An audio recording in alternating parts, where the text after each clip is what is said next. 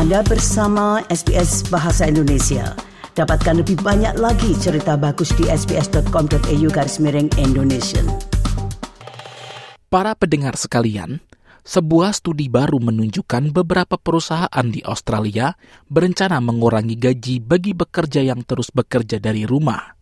Laporan tersebut mengatakan beberapa perusahaan mengambil pendekatan garis keras untuk menarik kembali karyawannya, sementara yang lain menggunakan insentif untuk meyakinkan orang agar lebih sering beralih kembali ke meja kantor mereka.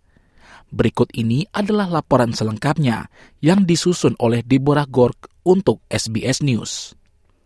Wali kota Perth, Basil Zempilas, sedang menggambar garis di pasir – Setidaknya itulah yang dia katakan kepada Channel 7. I've long maintained that the best place for workers is at work. The odd day at home for a bit of work life balance, fine. But not every day and not two days a week. Come to work. Komentar wali kota tersebut merupakan kontribusi terbaru terhadap perdebatan yang terus muncul saat ini setelah puncak pandemi COVID-19 sudah berlalu ketegangan antara peralihan ke bekerja dari rumah akibat COVID dan dorongan yang semakin besar untuk kembali bekerja dari kantor. Firma hukum Herbert Smith Freehills baru saja merilis laporan berjudul Masa Depan Pekerjaan yang menemukan bahwa sejumlah perusahaan merasa ragu untuk terus memperbolehkan pekerjaan jarak jauh secara luas beberapa perusahaan telah menggunakan taktik keras untuk menarik kembali karyawannya, seperti firma hukum Maddox.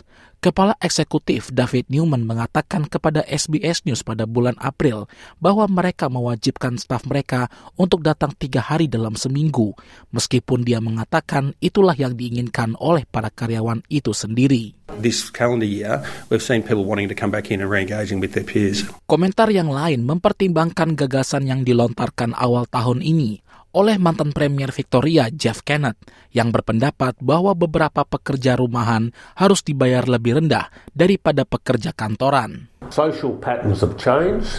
Do we pay those who are going to work a travelling allowance? Medical staff, first responders have to go to work. They have no alternative. And it costs them. Namun masih banyak perusahaan yang menghindari kebijakan tersebut organisasi menawarkan acara internal seperti makan siang dan minum bersama tim dengan harapan dapat mendorong orang untuk lebih sering hadir secara fisik di tempat kerja.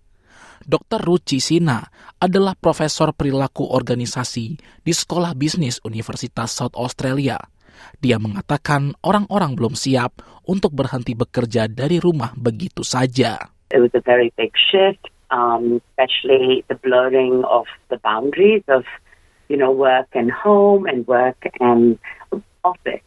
People realized how much time they saved by not engaging in the commute every day.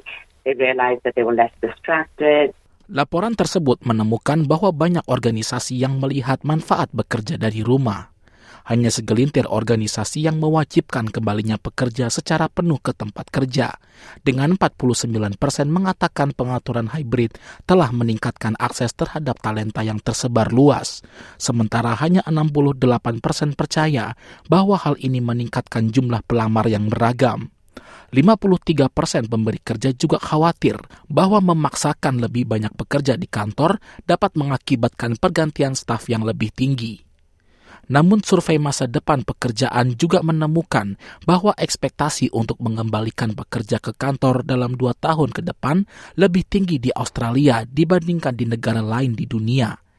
Marnie Becker dari Bank Bendigo termasuk di antara para bos yang percaya bahwa hal ini lebih baik. Dia mengatakan kepada karyawannya dalam sebuah video yang bocor ke News Limited bahwa Bendigo didasarkan pada hubungan yang tidak dapat dibangun dengan baik dari jarak jauh. I see it, and I see it playing out when people are together in the office. The energy levels, the interaction, the innovation. You know, sometimes that's something that you, you will not get when you're sitting at home by yourself. That innovate and innovative thinking. Um, we've just got to get back together more often. Namun Dr. Sina mengatakan belum tentu demikian. Individual contributors will always do fine with hybrid work because they get their work done on their own less coordination needed, and you've seen the most productivity gain there. Even the research shows that individual performance has gone up, but there's mixed results on team performance. And given that most of work is, is designed within teams, organizations would be, you know, struggling. They might actually be, you know, struggling to see the productivity gains from teamwork. Dr. Sina mengatakan mempertahankan budaya tempat kerja yang baik dan meningkatkan kerja tim serta produktivitas dari jarak jauh masih mungkin dilakukan. Namun perusahaan harus bersedia untuk bergerak ke arah tersebut. Dia mengatakan manajer menengah adalah kunci dalam hal ini karena melalui merekalah perusahaan mengukur produktivitas. The middle manager throughout COVID had the highest level of exhaustion and emotional burnout at work. They too were working remotely, they too were flexible, but they were not given the training or the aid or the technology to manage teams. So, um, and, and that model of managing people had not changed at COVID. Beberapa pakar seperti Sarjana Departemen Ekonomi Universitas Stanford Nicholas Bloom mengatakan hal ini seperti kereta yang tidak bisa dihentikan.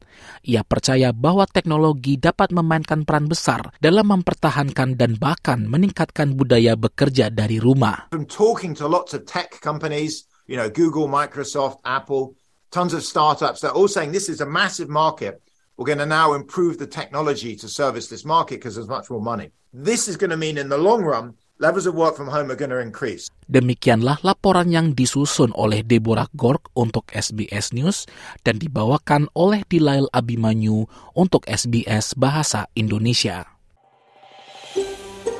Anda ingin mendengar cerita-cerita seperti ini? Dengarkan di Apple Podcast, Google Podcast, Spotify, atau di mana pun Anda mendapatkan podcast Anda.